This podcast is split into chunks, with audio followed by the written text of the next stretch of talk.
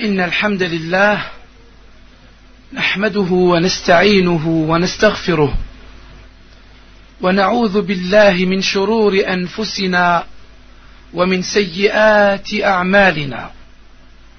من يهده الله فلا مضل له ومن يضلل فلا هادي له. وأشهد أن لا إله إلا الله وحده لا شريك له. وأشهد أن محمدا عبده ورسوله. يا أيها الذين آمنوا اتقوا الله حق تقاته ولا تموتن إلا وأنتم مسلمون. يا أيها الناس اتقوا ربكم الذي خلقكم من نفس واحدة وخلق منها زوجها وبث منهما رجالا كثيرا ونساء. واتقوا الله الذي تساءلون به والأرحام. إن الله كان عليكم رقيبا. يا أيها الذين آمنوا اتقوا الله وقولوا قولا سديدا. يصلح لكم أعمالكم ويغفر لكم ذنوبكم. ومن يطع الله ورسوله فقد فاز فوزا عظيما. أما بعد فإن أصدق الحديث كلام الله وخير الهدي هدي محمد صلى الله عليه وسلم وإن شر الأمور محدثاتها وكل محدثة بدعة وكل بدعة ضلالة وكل ضلالة في النار. وبعد فالله سبحانه وتعالى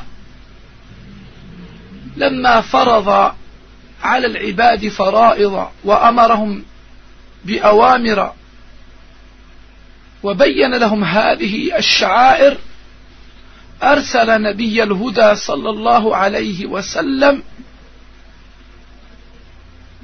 ليبين للناس أمر هذا الدين. فلقد ذكر الله سبحانه وتعالى مثلا الصوم في القرآن الكريم وأمر الناس بالصيام كقوله تعالى فمن شهد منكم الشهر فليصمه غير أن الإنسان لا يعرف صفة الصوم المشروع وفرائضه وواجباته وآدابه ومستحباته وكل ما يتعلق به من أحكام مما يجب عليه تركه واجتنابه ومما يجب عليه فعله كذلك وتحقيقه.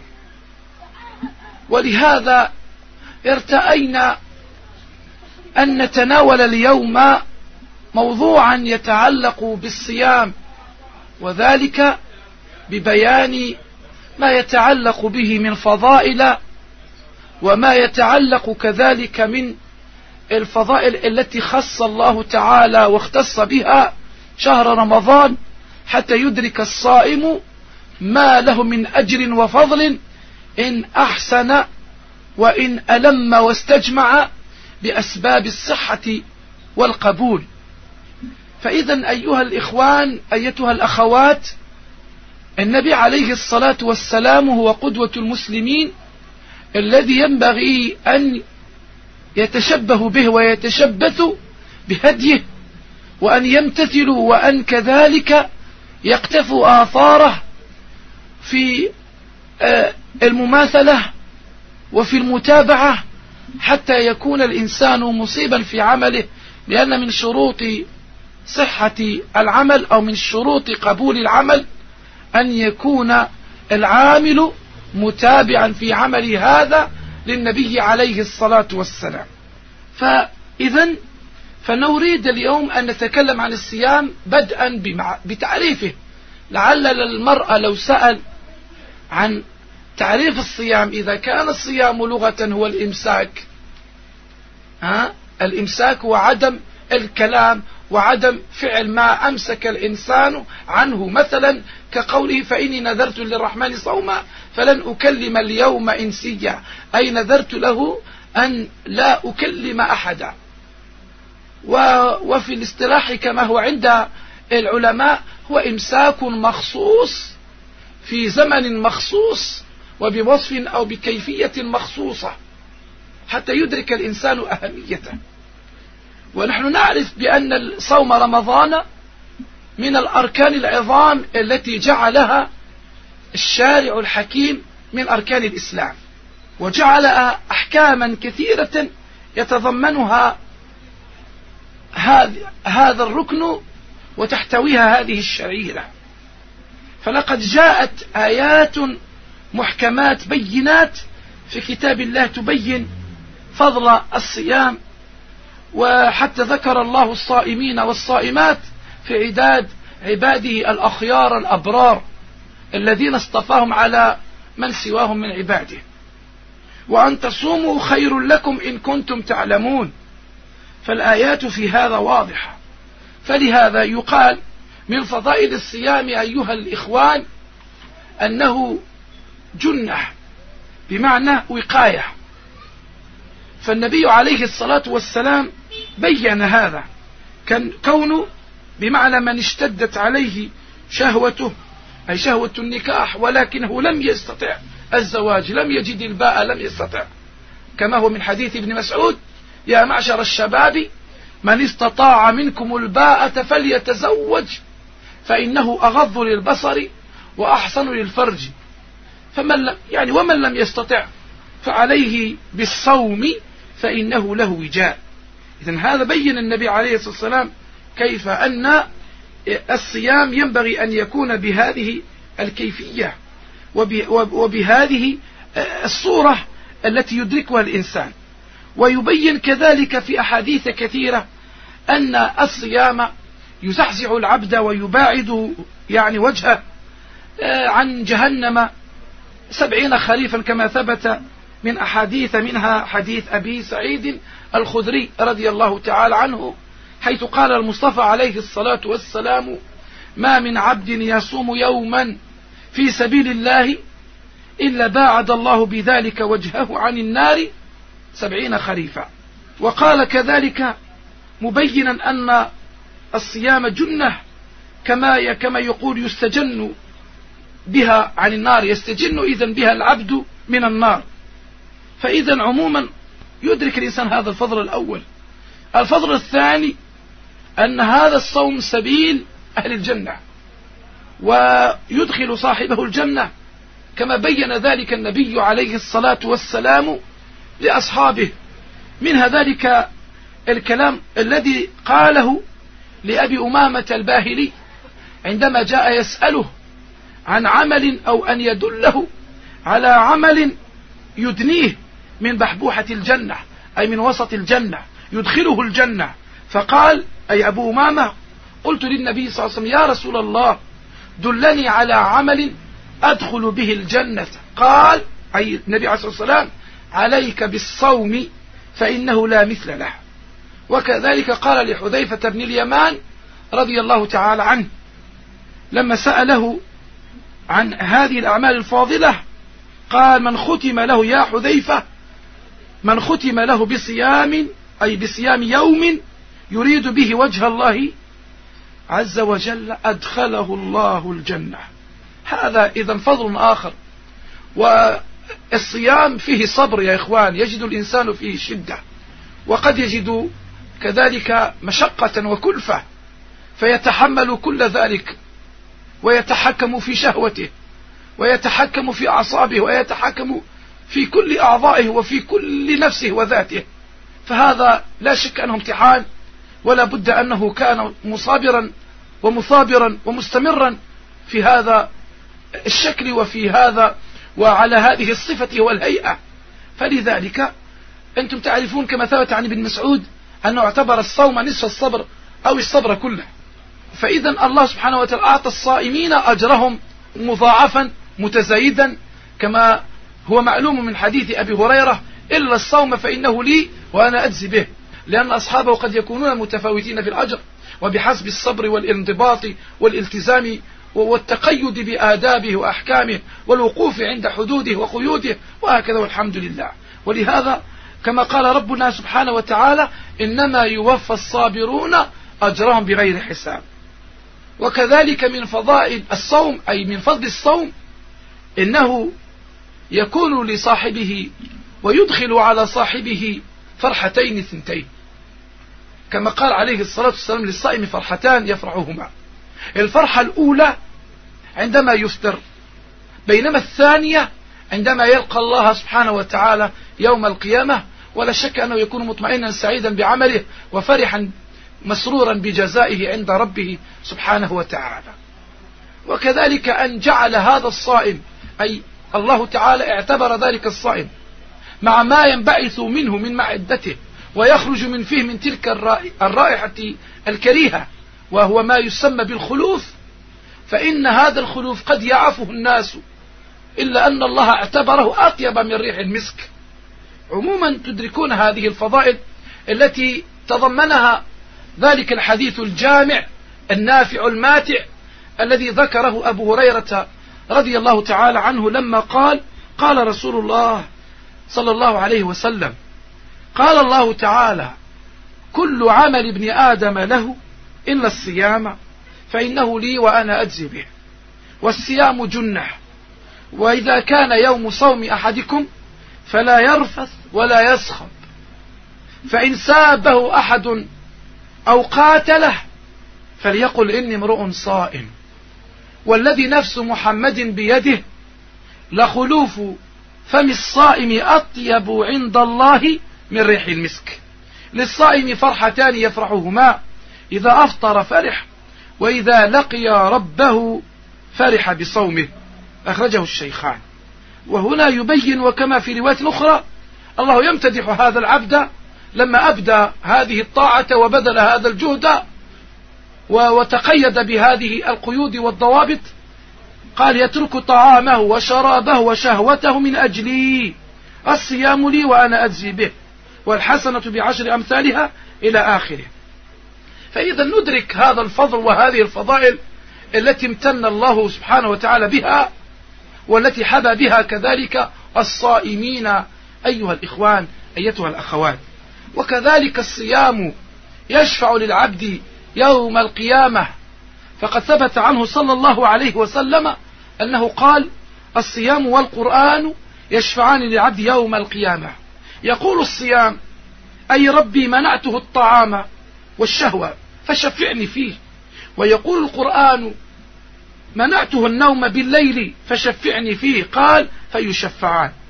وكذلك اعتبر الشارع الحكيم الصيام كفارة. وهذا مما انفرد به الصيام من فضائل ومما جعله يعني خاصا به ومتميزا عن سائر الشعائر. مثلا أن الله جعله مثلا من مكفرات حلق الرأس يعني في الإحرام لعذر من مرض أو أذى وعدم القدرة على الهدي والذي يقتل خطأ أو قتل معاهد كذلك خطأ وحنث اليمين وقتل الصيد في الإحرام والظهار كذلك ونحو ذلك مما جعله الشارع الحكيم كفارة.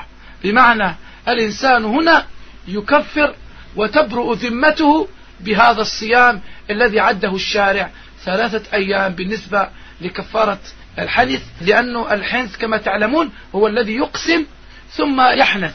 والظهار الشهران المتتابعان كذلك القتل خطأ وكذلك بالنسبة لمن آه، لم يكن قادرا على الهدي أن يصوم ممكن عشرة أيام ثلاثة في الحج وسبعة إذا رجع وهكذا. المهم فيبين الله سبحانه وتعالى هذا الفضل. ومن فضائله كذلك ومن خصائص الصائمين وفضل الصوم ها أن جعل الله تعالى للصائمين بابا يدخلون منه لا يدخل معهم أحد غيرهم إلا من كان مثلهم. الدليل يعني تذكرون حديث سهل ابن سعد الساعدي رضي الله تعالى عنه لما قال قال النبي صلى الله عليه وسلم إن في الجنة بابا يقال له الريان. يدخل منه الصائمون يوم القيامة لا يدخل منه أحد يعني لا يدخل منه أحد غيرهم. فإذا دخلوا أغلق فلم يدخل منه أحد. وهذا مما يبين فضل هذا الشهر بل فضل الصيام عموما. والذي يزيد فضله هو ما يعني يتعلق به من مناسبات كفضل شهر رمضان مثلا الذي أنتم تعرفون هو صوم شهر رمضان ركن من أركان الإسلام. وبين الله سبحانه وتعالى أنه جعل يعني وجعل الشهر هذا وحباه وميزه وفضله وأكرمه بمكارم وفضائل كثيرة منها أولا يعني صوم هذا الشهر ها جعل في مما يزيده فضلا كون القرآن الكريم أنزل فيه كما جاء في الآية الكريمة شهر رمضان الذي أنزل فيه القرآن هدى للناس وبينات من الهدى والفرقان فمن شهد منكم الشهر فليصم. فإذا يبين هذا الفضل أنه شهر أنزل فيه القرآن. إذا فضل صوم رمضان فيه فضل عظيم يا إخوان وفيه أجر كريم وعميم. وكون كذلك هذا الشهر فيه تصفد الشياطين وفيه كذلك تغلق أبواب النيران وتفتح أبواب الجنان. فهذا الشهر عموما يقل فيه الشر في الأرض حيث تصفد وتشد مردة الجن بالسلاسل والأغلال والأصفاد فلا يخلصون إلى إفساد الناس وإضلالهم كما تعلمون. ولهذا النبي عليه الصلاة والسلام ذكر هذا في حديث قال عليه الصلاة والسلام إذا جاء رمضان فتحت أبواب الجنة وغلقت أبواب النيران وصفدت الشياطين. وفي رواية للإمام مسلم فتحت أبواب الرحمة وغلقت أبواب جهنم وسلسلة الشياطين. ومما يزيد فضله أن جعل الله سبحانه وتعالى فيه ليلة هي أفضل اختارها الله سبحانه وتعالى يعني اختار الله سبحانه أن تكون هذه الليلة في هذا الشهر وأن يكون هذا الشهر كذلك يزيد فضله بها. لما ثبت من السورة الكريمة التي هي سورة القدر فسميت بها. فربنا قال إنا أنزلناه في ليلة القدر إشارة إلى القرآن الكريم. وما أدراك ما ليلة القدر؟ ليلة القدر خير من ألف شهر. فعموما تدرك هذا والنبي عليه الصلاة والسلام ذكر فضل هذه الليلة. وكذلك نبين أن يعني الصيام حقيقة ينقسم إلى صيام تطوع وصيام فريضة يعني. فنجد مثلا من صيام الفريضة كصيام رمضان الذي نحن بصدد ذكر أحكامه وهدي النبي صلى الله عليه وسلم فيه وكيف كان صومه عليه الصلاة والسلام حتى يدرك الإنسان صفة صومه عليه الصلاة والسلام فيصوم مثله ويكون, ويكون إن شاء الله صومه كصومه فينال ثوابه وأجره وجزاءه. وفي صيام التطوع الذي هو يعني تختلف مناسباته وهو مما يتطوع به الإنسان ليس واجبا عليه. إنما وجوب صوم رمضان بين فأنه ينبغي على الإنسان أن يصومه. الدليل يعني كما ذكرنا الآية الكريمة فمن شهد منكم الشهر فليصم. هكذا. الذي يبذل جهدا ويصوم هذا الشهر خير خير. بدليل أن تصوموا خير لكم إن كنتم تعلمون. أما الذي لا يستطيع لا يقوى فلا يتكلف. فلا يتكلف ما لا يستطيع لأن ربه قد تجاوز عنه وقد يسر له وقد رخص له. كما قال مثلا آه، مثلا الآية الكريمة وعلى الذين يطيقونه فدية طعام مسكين وكما قال كذلك ومن كان مريضا أو على سفر فعدة من أيام أخر ليبين لنا أن الأصل في ذلك آه، ينبغي أن يبذل جهده الإنسان أن يصوم وأن الذي شهد هذا الشهر ينبغي أن يصومه لما فيه من الفضل ولما فيه من الأجر. ولقد رغب النبي صلى الله عليه وسلم في صوم رمضان وجعل من هذه الرغائب ومن هذه الأساليب أن بين لهم بأن آه، غفران الذنوب منوط بالصوم إيمانا واحتسابا.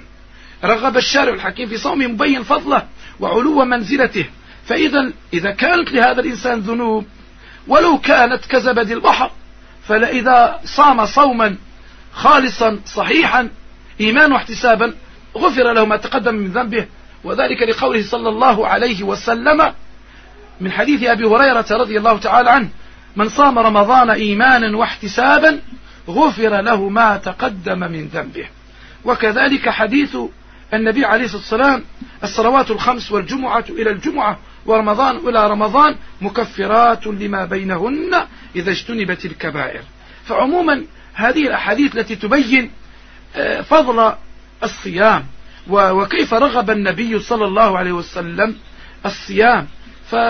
وكذلك أن الصائم أثناء صومه فإن الله سبحانه وتعالى يستجيب دعاءه يستجيب دعاءه ويعتق هذا الصائم من النار كما ثبت عنه صلى الله عليه وسلم لما قال إن الله تبارك بل إن لله تبارك وتعالى عتقاء من النار كل ليلة يعني في رمضان.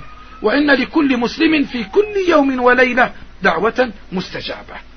من هذا الفضل يا إخوان الشيء الذي يزيدكم تعلقا به ويزيدكم كذلك تحريا له ويزيدكم كذلك إقبالا عليه ويزيدكم كذلك سعيا وسؤالا وتفقها في أحكامه حتى يتسنى لكل واحد منكم صيامه صياما صحيحا وإدراكه للأجر إدراكا تاما كاملا بإذن الله تعالى. فلعل هذه الأحكام المتعلقة برمضان أولا بما يثبت هذا الصيام يعني مثلا صيام رمضان لا شك أنه يثبت بإحصاء عدة شعبان. بإحصاء عدة شعبان إما أن يثبت الهلال يعني في الليلة في اليوم التاسع والعشرين وهو ليلة الثلاثين. يترقب الإنسان الهلال. فإن ظهر يعني ظهر الهلال وبه يثبت أول الشهر وبالتالي يكون شهر رمضان وهلاله قد حل.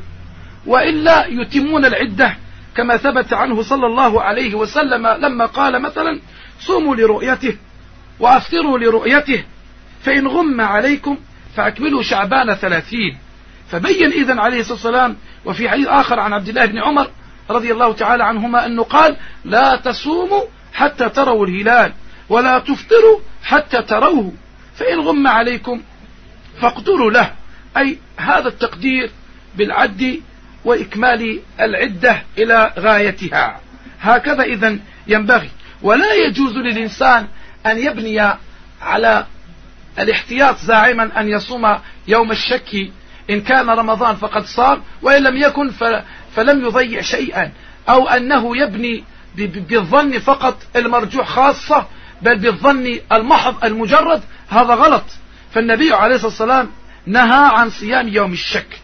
فالعبادات قائمة على اليقين يا إخوان تقوم على اليقين. لذلك النبي عليه الصلاة والسلام يعني قال لما أمرهم بذلك أنه من صام يوم الشك فقد عصى أبا القاسم لذلك ينبغي على الإنسان آه، أن يعني لا يقدم آه، يعني على رمضان بصوم يوم أو يومين احتياطا إلا أن يكون ذلك كما ثبت في الحديث موافقا لصوم أو ليوم صامع.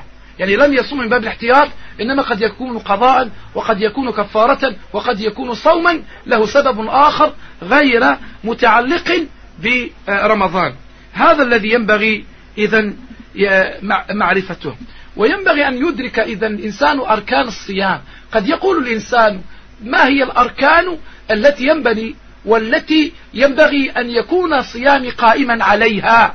والركن أنتم تعرفون هو الذي يعتبر جزءا من ماهية الشيء وحقيقته.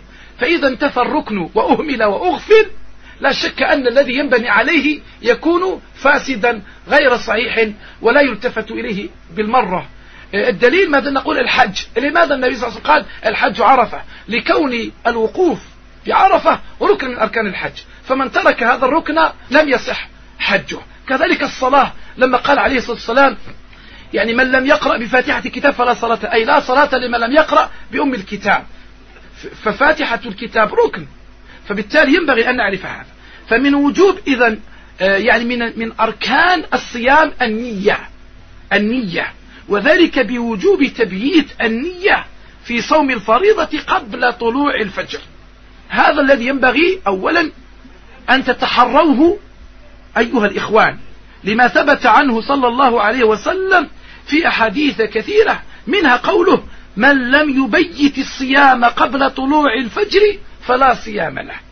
أنت لما يثبت الهلال يثبت دخول رمضان بالرؤية البصرية أو الشهادة أو إكمال العدة. كان يأتي من يقول لك رأيت هلال آه، آه، رمضان أنت تعمل بشهادته لأنه عدل صادق والحمد لله. أو أنك إذا اكتملت العدة أي أوصلتها وجعلتها ثلاثين خلاص حد الشهر هو إما أن يكون تسعة وعشرين يوما أو ثلاثين يوما. فأنت بعد ذلك اليوم الموالي هو يكون بالقطع آه، يوم رمضان أو اليوم الأول من رمضان. فأنت إذا مقدم على صومه وعازم على صومه فينبغي لك أن تبيت النية. فالنبي عليه الصلاة والسلام إذا أمر بأن يبيتوا النية أي الصحابة أي المسلمين جميعا أن يبيتوا النية قبل الفجر. والنية إخوان ما هو مجرد كلام؟ لعل البعض يقول لك يتلفظ بالنية. كان يقول نويت أن أصوم آه، غدا أو كل ليلة يتلفظ لا النية محلها القلب. هي عزم القلب على فعل شيء مع الإرادة والقصد. فأنت إذا عزمت وإذا نويت وإذا أردت فتلك هي النية ومحلها القلب. ولا دخل للسان في, في, في هذه النية. قد آه، تصور لو يخطئ الإنسان بنيته وعزمه وقلبه ويحسن ويصيب بلسانه فلا يلتفت إلى كلامه. بل التلفظ بالنية بدعة كما ذكر ذلك آه، العلماء ولقد ذكر ذلك الإمام آه، ابن قيم الجوزية وغيره بينوا ذلك تبيانا رائعا. هكذا. بينما تبييت النية لغير فريضة يعني ليس واجبا. إنما كما ثبت عنه صلى الله عليه وسلم كما تذكر عائشة أنه كان لما يدخل يدخل على أزواجه كان يأتي عائشة تقول في غير رمضان فيقول هل عندكم غداء؟ فإذا قالت لا قال وإلا فإني صائم. يعني إذا وجد أكل وإذا لم يجد صام. المهم فنجد إذا هذا شيء جميل. وينبغي أن يدرك الإنسان هذا الإمساك.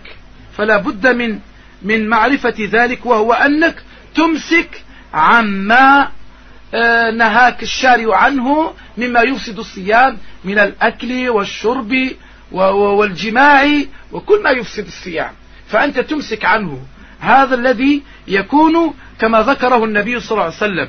ولا شك أن ابتداء الصيام يعني ابتداء وقته يكون من طلوع الفجر إلى غاية طبعا الفجر الصادق لا الفجر الكاذب هكذا. يعني من من من طلوع الفجر إلى غروب الشمس كما ثبت في الآية في الآية الكريمة وكلوا واشربوا حتى يتبين لكم الخيط الأبيض من الخيط الأسود من الفجر. هكذا ويبين الله سبحانه وتعالى إذا أن هذا الذي يكون هو الفجر الصادق لأنه أنتم تعرفون الفجر فجران فجر كاذب ما يسمى يصطلح عليه بالفجر الكاذب وكذلك الفجر الصادق. فالفجر الكاذب لا يحل صلاة الصبح ولا يحرم الطعام على الصائم. هكذا ولا لا؟ بينما الفجر الصادق هو الذي يحرم الطعام على الصائم ويحل صلاة الفجر للمسلم. كما دلت على ذلك النصوص. وثبت عن ابن عباس رضي الله تعالى عنهما أن النبي صلى الله عليه وسلم قال في هذا في هذا الصدد يعني قال الفجر فجران فأما الأول فإنه لا يحرم الطعام ولا يحل الصلاة وأما الثاني فإنه يحرم الطعام ويحل الصلاة. بالمناسبة فيه لطيفة قد يبادر الرجل الصائم أثناء تصحره ها؟ وهو يسمع النداء وفي يده إناء فلا يدري هل يضعه فورا ويمسك عن الأكل أو الشرب حالا أم يستمر إلى أن ينتهي من طعمه فالأولى كما ثبت عنه صلى الله عليه وسلم أنه قال إذا سمع أحدكم النداء والإناء في يده فلا يضعه حتى يقضي حاجته منه. ولا شك أنه المقصود بالنداء هو هو نداء أذان الفجر الثاني أي بمعنى الفجر الصادق. ثم لا شك أنه يبتدئ إذا من الفجر إلى غاية الليل يعني إلى غاية المغرب. ثم يتم الصيام إلى الليل كما ثبت في الآية الكريمة. وإنه لا يتأتى ويتحقق ذلك بإدبار يعني إقبال الليل منها هنا وإدبار النهار منها هنا وظهور غروب الشمس كما ثبت من حديث عمر رضي الله تعالى عنه أن النبي صلى الله عليه وسلم قال إذا أقبل الليل منها هنا وأدبر النهار منها هنا وغربت الشمس فقد أفطر الصائم. وهذا أمر يتحقق بعد غروب قرص الشمس مباشرة وإن كان ضوءها ظاهرا. فقد كان من هديه صلى الله عليه وسلم إذا كان صائما أمر رجل فأوفى على شيء فإذا قال غابت الشمس أفطر. المهم ينبغي أن يتحرى وينبغي أن يتأكد. وينبغي لمن أراد كما ثبت عنه صلى الله عليه وسلم لمن أراد الصيام أن يتصحر فإن من سنن الهدى ومن سنن المصطفى ومن خصائص هذه الأمة السحر. فلا شك أن أهل الكتاب قبلنا كانوا يصومون. فربنا قال مثلا يا أيها الذين آمنوا كتب عليكم الصيام كما كتب على الذين من قبلكم لعلكم تتقون. غير أن أهل الكتاب يا إخوان كان الرجل منهم إذا نام لم يطعم يعني حتى الليلة القابلة بما إذا نام لا يجوز له لا طعام ولا أي شيء حتى الليلة الموالية أو القابلة. بينما النبي عليه الصلاة والسلام أتاه الله بخصائص ما خصه بها واختص بها أمته وفضلها وميزها على سائر الأمم. ومن بين هذه الخصائص هي أكلة الصحر كما ثبت من حديث عبد عمرو بن العاص أن النبي عليه الصلاة والسلام قال فصل ما بيننا بين صيامنا وصيام أهل الكتاب أكلة الصحر إذا فصل ما بين صيامنا نحن وصيام أهل الكتاب أكلة الصحر والنبي عليه الصلاة والسلام كان يرغب في التصحر يعني يرغب من غير إيجاب لا شك من غير إيجاب. إنما ترغيبه كان يعني مؤكدا وحتى أنه قال مثلا من أراد أن يصوم فليتصحر بشيء. تصحروا فإن في السحور بركة. وغير ذلك مما قاله صلى الله عليه وسلم وبين أنه البركة في ثلاثة مثل ما قال من حديث سلمان الجماعة والثريد والسحور. فإذا لابد على الإنسان أن يتصحر وهذا من سنن المسلمين ومن سنن النبي عليه الصلاة والسلام وزيد من فضائل السحور أن الله تعالى وملائكته يصلون على المتصحرين. وينبغي كذلك المتصحر أن يتصحر إذا وجد على تمر فكما ثبت من, من منه نعمة سحور المؤمن التمر. يعني الذي لم يجد ولو يتصحر بشيء ولو كان بجرعة ماء. ويستحب كذلك تأخير السحور إلى قبل الفجر. الإنسان ينبغي أن يؤخر السحور إلى قبيل الفجر. وهذا الثابت عنه صلى الله عليه وسلم. وطبعا كما ثبت بهدي النبي صلى الله عليه وسلم في ذلك منه آه، ما ثبت عن زيد. يعني آه، لما كان يتسحر من النبي مع النبي صلى الله عليه وسلم فلما فرغ من سحورهم من سحورهما قام النبي صلى الله عليه وسلم إلى الصلاة فصلى وكان بين فراغهما من سحورهما ودخولهما في الصلاة كقدر ما يقرأ الرجل خمسين آية من كتاب الله. إذا هذا الذي يؤكد أيها الإخوان عدم إهمال فضيلة ورغيبة وبركة السحور لما فيه من الأجر. فالسحور يا إخوان فيه بركة وفيه فضل ينبغي أن آه، تحيوا هذه السنة. والذي ينبغي كذلك على الصائم الذي أقبل وشرع على صومه ينبغي أن يجتنب أشياء كثيرة فينبغي أن يجتنبها حتى يعني يكون صومه صافيا يكون صومه نزيها يكون صومه مبرأ من كل هذه العيوب ومنزها من كل هذه الشوائب والشأبيب التي ممكن جدا تشوب وتشوه صومه أو تذهب أجره وثوابه أو تفسده وتبطله. فلذلك الذي ينبغي على الصوم أن يتركه لأنه كما تعلمون هذا الصوم يدفعك آه، إلى ويعينك ويؤهلك ويمكنك من التغلب على نفسك. فضلا عن غيرك. أقصد الأول من حيث النفس أنت. يعني ينبغي أن تجتنب قول الزور يعني أن تحفظ لسانك من فضول الكلام وفحش الكلام وإفساد يعني ما بين الناس أو, أو إلى غير ذلك. كما ثبت عن أبي هريرة رضي الله تعالى عنه آه، أن النبي صلى الله عليه وسلم قال مثلا من لم يدع قول الزور والعمل به تصوروا يا إخوان وتدبروا وتأملوا في هذه الكلمات النبوية البينات الصريحة ما شاء الله. من لم يدع قول الزور والعمل به فليس لله حاجة أن يدع طعامه وشرابه. شايفين؟ إذا ينبغي على الصائم أن يجتنب طيلة صيامه. يعني هذه الأشياء اللي تفسد واللي هي أضران آه، ممكن قد تفسد وتشوه هذا الصوم. فلا بد من تنزيه وتنقية وتصفية وتزكية الصوم منه. وكذلك اجتناب اللغو والرفث. آه، دليل كما ثبت عنه صلى الله عليه وسلم ليس الصيام من الأكل والشراب إنما الصيام من اللغو والرفث. فيعني وكما وكقوله فإذا كان يوم صوم أحدكم فلا يرفث ولا يسخر. هكذا ولا لا؟ فإذا فإن سابه أحد أو قاتله. وفي رواية فإن سابك أحد أو جهل عليك فقل إني صائم إني صائم.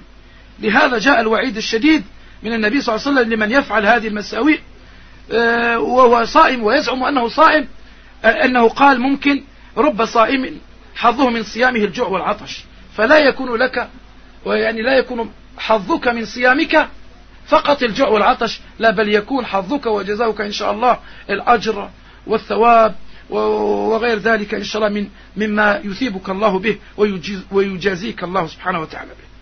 وقد يقول الإنسان هل إذا أنا أصبحت جنبا يوم الصيام أو يوم رمضان يعني في يوم من أيام رمضان أصبحت جنبا هل يكون صيامي فاسدا؟ أم يا ترى يلزمني الغسل وأواصل صيامي ولو استيقظت بعد طلوع الشمس؟ قد ثبت عنه صلى الله عليه وسلم أنه كان يصبح جنبا. هكذا كان يصبح جنبا ثم يغتسل ويتم صومه. لما ثبت عن عائشة وأم سلمة رضي الله تعالى عنهما أنهما قالتا مثلا أن النبي صلى الله عليه وسلم كان يدركه الفجر وهو جنوب من أهله ثم يغتسل ويصوم. وكذلك يجوز للصائم أن يتسوك يعني ممكن الإنسان يقول ما دام صائما يمسك عن كل شيء يدخل فيه أو يدخل فيه. يعني ممكن يعني يجتنب كل شيء حتى السواك لأنه قد يذهب آه، الخلوف الذي ورد في فضله آه، قوله صلى الله عليه وسلم من لخلوف فم الصائم أطيب عند الله آه، من ريح المسك. هكذا ولا لا؟ إذا لخلوف فم الصائم أطيب عند الله من ريح المسك. فلعل الإنسان يقول هذا ممكن يذهبه. فيقال في الأصل في ذلك أن النبي صلى الله عليه وسلم قال لولا أن أشق على أمتي لأمرتم بالسواك عند كل وضوء فلم يخص الربي الرسول عليه الصلاة والسلام الصائم من غيره. ففي هذا دلالة على أن السواك للصائم ولغيره عند كل وضوء وعند كل صلاة. فإذا عموما لا نقول كما يقول بعض الفقهاء أنه يكون في أول النهار يكون في الغداة ولا يكون في العشي بل يكون في كل وقت كما ثبت. ويجوز للصائم أن يتمضمض ويستنشق وهو صائم. لكنه إذا كان صائما يمتنع من المبالغة. لا يبالغ لا يبالغ آه، آه، في المضمضة والاستنشاق. كما قال النبي صلى الله عليه وسلم آه، أظنه لقيط بن صبرة لما قال وبالغ في الاستنشاق إلا أن تكون صائما. ويجوز للصائم يعني ممكن القبلة أو المباشرة لكن بشرط أن يكون أملكا وأملك الناس لإربه. يعني يملك ممكن يتحكم في شهوته و... وأملك لإربه حتى لا تغلبه شهوته وحتى لا تتمرد عليه ف... ف... فيقع في المحظور ويصيب المحظور. كذلك لأنه ثبت عن النبي صلى الله عليه وسلم كما ثبت كما ذكرت عائشة أم المؤمنين أنه حقا كان يقبل وهو صائم ويباشر وهو صائم ولكن كما قالت هذا هو القيد الذي ينبغي أن تحفظوه وينبغي أن تضبطوه وينبغي كذلك أن تنضبطوا به وهو قالت ولكنه كان أملككم لإربه فشايفين؟ كذلك لا شك أنه تحليل الدم وضرب الحقن هذه أو الإبر التي لا يقصد بها التغذية ليست من المغذيات فإنها ليست من المفطرات. هذا واضح. كذلك الحجامة آه، لعل البعض يقول آه، أفطر الحاجم المحجوم الذي ينبغي أن يعلم بأن آه، الحجامة يعني كونها مفطرة نسخت بما ثبت عنه صلى الله عليه وسلم من فعله أنه, صا أنه احتجم وهو صائم كما ثبت عن ابن عباس رضي الله تعالى عنهما أنه قال أن النبي صلى الله عليه وسلم احتجم وهو صائم.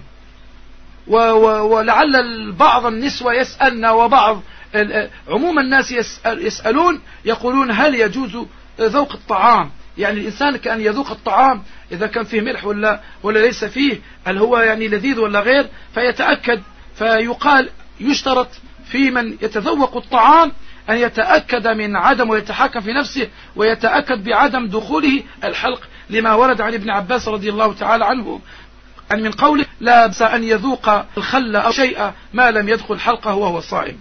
كذلك لعل الرجل يكتحل أو ممكن القطرة هذه التي ممكن يعالج بها آه، عينيه هكذا ولا لا؟ فهذا كذلك لا يضر ولا يفطر سواء وجد طعمه في حلقه أو لو لم يجده. هذا الذي رجحه شيخ الإسلام ابن تيمية والذي ثبت كذلك عن أنس ابن مالك أنه كان يكتحل وهو صائم.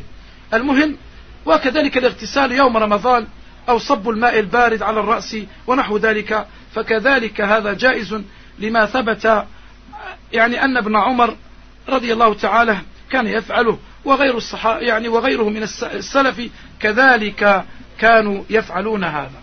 والذي ينبغي كذلك أن نعلم بأن الشارع الحكيم رخص للمسافر أن يفطر.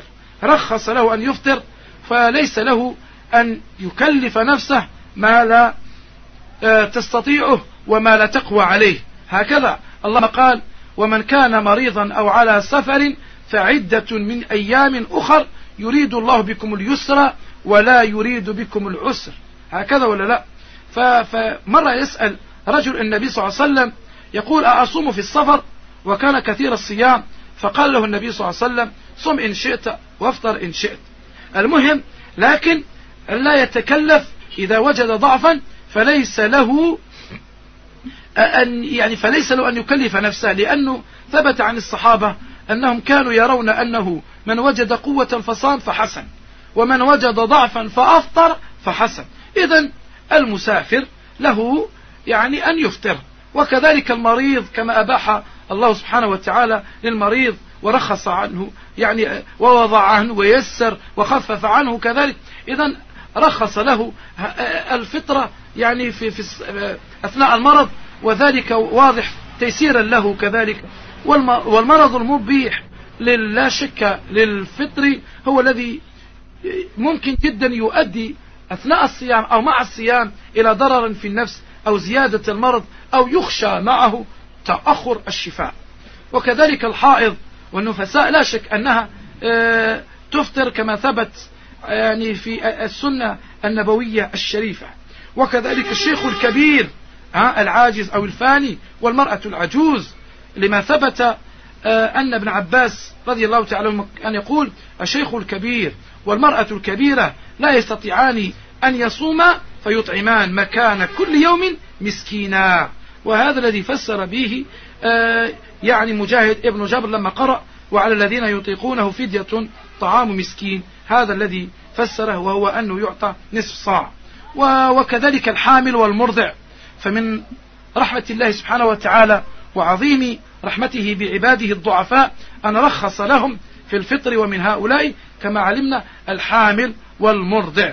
فعموما هذا الذي ينبغي أن يعلمه الإنسان أثناء صيامه ويستغرق يعني هذا الوصف ويكون على هذه الحال يعني مدة صيامه. ولما يفطر الإنسان لا شك أنه يفطر كما ذكرنا عند إقبال الليل وإدبار النهار واختفاء قرص الشمس كما ذكرنا في الحديث النبوي السالف الذكر. هكذا ولا لا؟ الذي رواه يعني مثل ذكره عبد الله بن عمر وغيره ها؟ فينبغي أولا تعجيل الفطر لما ثبت في ذلك من أحاديث صحيحة نبوية تدل على فضل التعجيل منها حديث سهل ابن سعد اللي جاء فيه قوله صلى الله عليه وسلم لا يزال الناس بخير ما عجلوا الفطر. وطبعا تعجيل الفطر يعني الفطر سنة نبوية كما تعلمون. وتعجيل الفطر يعتبر كذلك مخالفة. يعني هذا الشيء مخالفة للضالين والمغضوب عليهم اليهود والنصارى. إحنا اليوم اذا لا بد من الفطر قبل الصلاة قبل يعني صلاة المغرب. فينبغي أن يعجل الإنسان بالفطر ثم يصلي المغرب. ويستحسن له أن يكون يعني يفطر الإنسان بالتمر. فإذا لم يجد لا شك أنه فعل ما. فالمهم أن النبي عليه الصلاة والسلام جاء رحمة للعالمين وجاء حريصا على ما ينفع المؤمنين. وكما قال سبحانه وتعالى قد جاءكم رسول من أنفسكم عزيز عليه ما عنتم حريص عليكم بالمؤمنين رؤوف رحيم. يا إخوان لذلك ينبغي أن نعلم هذا. فالنبي عليه الصلاة والسلام إذا قال إذا أفطر أحدكم فليفطر على تمر فإنه بركة. فإن لم يجد يعني فإن لم يجد تمرا فالماء فإنه طهور لا شك. والأحاديث في هذا كذلك واضحة. فلا شك أن الإنسان ينبغي أن يتحرى هذا إن استطاع إن استطاع. وينبغي له أن يدعو أثناء ذلك فقد ثبت كما ثبت عن أبي هريرة رضي الله تعالى عنه. يعني ثلاث دعوات مستجابات دعوة الصائم ودعوة المظلوم ودعوة المسافر. وهذه الدعوة التي تكون إن شاء الله عند فطرك لا يعني لا ترد كما ثبت من حديث ثلاث لا ترد دعوتهم الصائم حين يفطر والإمام العادل ودعوة المظلوم. لا شك والدعاء آه المأثور عنه صلى الله عليه وسلم كما ثبت ذهب الظمأ وابتلت العروق وثبت الأجر إن شاء الله. وينبغي كذلك للمسلم أن يسعى في أثناء أطره أن يسعى في إفطار غيره من إخوانه الصائمين الذين لا يجدون ما يفطرون عليه. هكذا وما يأكلونه أثناء إفطارهم. فالنبي عليه الصلاة والسلام يعني حرض وحظ الناس ورغبهم في هذا. إلى هذا يعني بدليل أسلوب الترغيب وأسلوب التشويق لما رتب ذلك الفضل الجزيل والأجر يعني الكبير الكثير إن عد أنه عد من فطر صائما يعني يعني كمن صام يعني له أجر صائم. فقال مثلا من فطر صائما أو جهز غازيا فله مثل أجره. فالذي يفطر صائما يكون له مثل أجر ذلك الصائم. هذا الذي ثبت عنه صلى الله عليه وسلم وذلك من غير أن ينقص من أجر الصائم شيئا. يعني يبقى أجر الصائم على ما هو عليه. ولكن آه، ذلك الذي أطعمه وذلك الذي فطره يكون له أجر مثل أجره. ويستحب كذلك لهذا للمدعو أن إذا فرغ من من الطعام أي بعد الفراغ من الطعام بما أن يدعو بما ثبت عنه صلى الله عليه وسلم كقوله أكل طعامكم الأبرار وصلت عليكم الملائكة وأفطر عندكم الصائمون. أو اللهم أطعم من أطعمني واسق من سقاني. إلى غير ذلك من الحديث الثابتة آه، عنه آه، صلى الله عليه وسلم. إذا ينبغي أيها الإخوان أن الصائم ينبغي أن يبني صومه على هذه القواعد وأن, وأن يجعله محفوفا ويجعله كذلك محوطا أو مقيدا بهذه الضوابط حتى يسلم وحتى يصح. وحتى يكون إن شاء الله خالصا نزيها بريئا من كل هذه الشوائب. فلعل آه، يقال للصائم أنه ممكن أشياء ينبغي أن يجتنبها حتى يكون صومه صحيحا. ها؟ فينبغي أولا أن لا يأكل ولا يشرب لا شك أنه كما ذكرنا وينبغي أن لا يتعمد القيء يعني كأنه هو الذي يستقيء. ها؟ لقول صلى الله عليه وسلم كما من حديث أبي هريرة رضي الله تعالى عنه. من زرعه القيء فلا قضاء عليه ولا كفارة وفي رواية فليس عليه قضاء ومن استقاء فليقضي. وكذلك يعني المرأة إذا حاضت بطل صومها.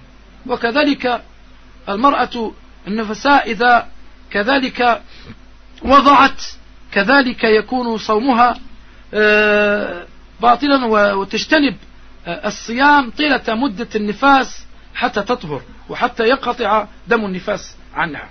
بدليل أن النبي صلى الله عليه وسلم قال أليس إذا حاضت لما آه، سئل عن نقصان الدين دين المرأة فلعل البعض أو الكثير منهن أشكل عليها هذا النقصان أشكل عليهن هذا النقصان فسألنه عليه الصلاة والسلام قال أليس إذا حاضت لم تصلي ولم تصم؟ قلنا بلى. قال فذلك نقصان دينها. إذا تمكث الليالي ما تصلي وتفطر في رمضان فإذا هذا نقصان دينها. فيبين إذا هذا الذي يكون بعد ذلك. وينبغي كذلك أن أنه يعلم ممن أو مما يفسد الصيام. يعني ما ينبغي أن يجتنب أثناء الصيام هو اجتناب استعمال الحقن الغذائية. وهي لعل تستعمل طريقة لإيصال بعض المواد الغذائية إلى الأمعاء كالسيروم وغير ذلك من هذه الأنواع. الحقن التي ممكن تغذي المريض. أما الحقن غير المغذية كمسكنات الآلام ومزيلات الأوجاع ونحو ذلك والمقويات فلا حرج. وكذلك الجماع كما تعلمون آه، لا شك أنه مما يبطل الصيام فلا يجوز للإنسان أن يباشر أثناء ذلك. والنبي عليه الصلاة والسلام علم أصحابه القضاء فلعل الإنسان إذا أفطر المريض إذا أفطر يعني لابد أن يقضي مكان كل يوم يوما مثله. يعني كما قال سبحانه وتعالى فعدة من أيام أخر. فالقضاء ينبغي أن يدرك الإنسان أن يقضي الفو يعني ما فاته من رمضان وهو طبعا لا يجب على الفور بل يجب على التراخي وجوبا موسعا ولكن يا حبذا لو أن الإنسان يبادر قضاء وإلى القضاء هذا أولى. ولكن ليس واجبا كما قلنا على الفور آه، إنما يجب آه، المبادرة تكون استحبابا. ومندوبة هذا الذي نعلمه والله تعالى أعلم. والقضاء كما تعلمون ليس بمعنى ليس معناه أنه إذا أفطر الإنسان ستة أيام متتالية بمعنى يقضيها كذلك متتالية لا ليس واجبا على التتابع. يعني التتابع في القضاء بل في القضاء ليس واجبا. إنما العبرة هنا عدة أيام. تلك الأيام التي أفطرها يعدها ويحصيها ثم يقضيها. كما ثبت وهذا الذي ذكره ابن عباس لما قال لا بأس به أن يفرق. وكذلك كما ثبت عن أبي هريرة وغير ذلك من الصحابة رضي الله تعالى عنهم أنهم كانوا يرون جواز التفريق. هذا وجواز التفريق. لا يعني لا ينفي استحباب وانبغاء آه، كما يقولون التتابع ليس على وجه الإيجاب. هكذا ولا لا؟ وأما كالذي يجامع زوجته في رمضان. هذا الذي تجب عليه الكفارة كما ثبت من حديث أبي هريرة رضي الله تعالى عنه في الرجل الذي وقع على امرأته في نهار رمضان وأن عليه القضاء والكفارة. فبين عليه الصلاة والسلام ما عليه من الكفارة وأولا عتق رقبة. فلما لم يجد أمره بالصيام شهرين متتابعين. فلما لم يجد آه، يطعم ستين مسكين كما ثبت في ذلك الحديث. إذا فمن لزمته إذا الكفارة وعجز عن العتق أو الصيام والإطعام فإن ذلك يسقط لأن لا تكليف إلا مع القدرة لأنه كما ثبت في القواعد الأصولية المستمدة من الآيات القرآنية والأحاديث النبوية كقوله تعالى مثلا لا يكلف الله نفسا إلا وسعها وفي آية إلا ما أتاها والنبي عليه الصلاة والسلام ما أمرتكم به, ما أمرتكم به فأتوا منه ما استطعتم والقواعد الأصولية لا تكليف إلا بمقدور عليه. المهم هذه كلها تدل على هذه الكيفية التي ينبغي أن يراعيها الإنسان أنه إذا لم يستطع فلا حرج. ولا يلزم لا شك لا يلزم يعني المرأة كفارة لأن النبي صلى الله عليه وسلم قد يكون الرجل يكره على ذلك ويضطرها إلى ذلك فلا تلزمها ما يلزم زوج زوجها من الكفارة. وكذلك الصائم وخاصة في أيام رمضان أنه يلتمس ويتحرى أعمالا أخرى تزيد في أجره وثوابه كقيام رمضان مثلا وهو ما يصطلح عليه بصلاة التراويح. هذه الصلاة التي في بين النبي صلى الله عليه وسلم فضلها وثوابها حتى قال كما من حديث أبي هريرة مثلا من قام رمضان إيمانا واحتسابا غفر له ما تقدم من ذنبه فينبغي لك أيها المسلم أن تحرص على أن تقوم رمضان يعني لياليه مثل ما أنك حريص على أن تصوم أيامه صياما خالصا إيمانا واحتسابا. كذلك تقوم رمضان إيمانا واحتسابا. وأنت تقوم لياليه توافقك ليلة عظيمة ليلة مفضلة ليلة مباركة. كفى بقدر هذه الليلة أنها في الحقيقة خير من ألف شهر. ولقد أنزل الله في حقها سورة وأسماها سورة القدر. التي جاء فيها بيان فضل هذه الليلة. قال تعالى إنا أنزلناه في ليلة القدر وما أدراك ما ليلة القدر. ليلة القدر خير من ألف شهر. تنزل الملائكة والروح فيها بإذن ربهم من كل أمر. سلام هي حتى مطلع الفجر. وفي هذه الليلة المباركة يفرق كل أمر حكيم. ولهذا يقول تعالى إنا أنزلناه في ليلة مباركة. إنا كنا منذرين. فيها يفرق كل أمر حكيم. أمرا من عندنا. إنا كنا مرسلين. رحمة من ربك إنه هو السميع العليم. وكذلك ينبغي أن تلتمس هذه الليلة في يعني في هذه في العشر الأواخر كما كان النبي صلى الله عليه وسلم. يعني صفة التماسه لها أنه كان يتحراها في الوتر من العشر الأواخر من رمضان وكأنه كان يرغب أمته أن يتحروا هذه الليلة وأن يلتمسوها. فإذا هذه الليلة من حرم أجرها فقد حرم الخير كله ولا يحرم خيرها إلا محروم. لذلك النبي صلى الله عليه وسلم قال أيها الإخوان من قام ليلة القدر إيمانا واحتسابا غفر له ما تقدم من ذنبه ويستحب الدعاء فيها والإكثار منه. فقد ورد عن عائشة أم المؤمنين رضي الله تعالى عنها أنها قالت قلت يا رسول الله عليه الصلاة والسلام أرأيت إن علمت أي ليلة ليلة القدر ما أقول فيها قال قولي اللهم إنك عفو تحب العفو فاعف عني فإذا حاول قدر المستطاع أنك تتحرى هذه الليلة حتى إن شاء الله يختم لك بفضلها. وثوابها وخاصة وأنت على بينك وبين صلاة العيد ساعات وأنت تقدم زكاة الفطر التي تعتبر خاتمة صومك لأن النبي صلى الله عليه وسلم فرض هذه الزكاة. كما ثبت من حديث ابن عمر فرض رسول الله عليه الصلاة والسلام زكاة الفطر من رمضان على الناس.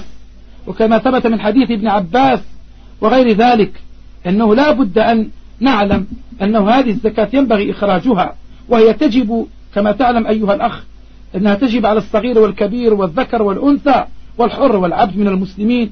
لما ثبت من حديث ابن عمر رضي الله تعالى عنهما فرض رسول الله صلى الله عليه وسلم زكاة الفطر صاعا من تمر أو صاعا من شعير على العبد والحر والذكر والأنثى والصغير والكبير من المسلمين. وطبعا تخرج من هذه الزكاة أصنافا يعني منها تخرج منها صاعا من شعير أو صاعا من تمر أو صاعا من أقط أو صاعا من زبيب أو إلى غير ذلك من القوت والطعام الذي ينبغي أن تخرجه معلوما وتعطيه لأصحابه وذويه. أنت طبعا تؤديه عن أهلك. عن من أنت تقوم بالنفقة عليهم لأن النبي صلى الله عليه وسلم كان يأمر أن يخرج أن يخرجوا يعني الزكاة زكاة الفطر أو صدقة الفطر عن يعني عن كل من يمونونه وعن كل من ينفقون عليه. هكذا ولا لا؟ فالإنسان كل من يمونه وكل من ينفق عليه ويعرف عليه يخرج عنه هذه الزكاة.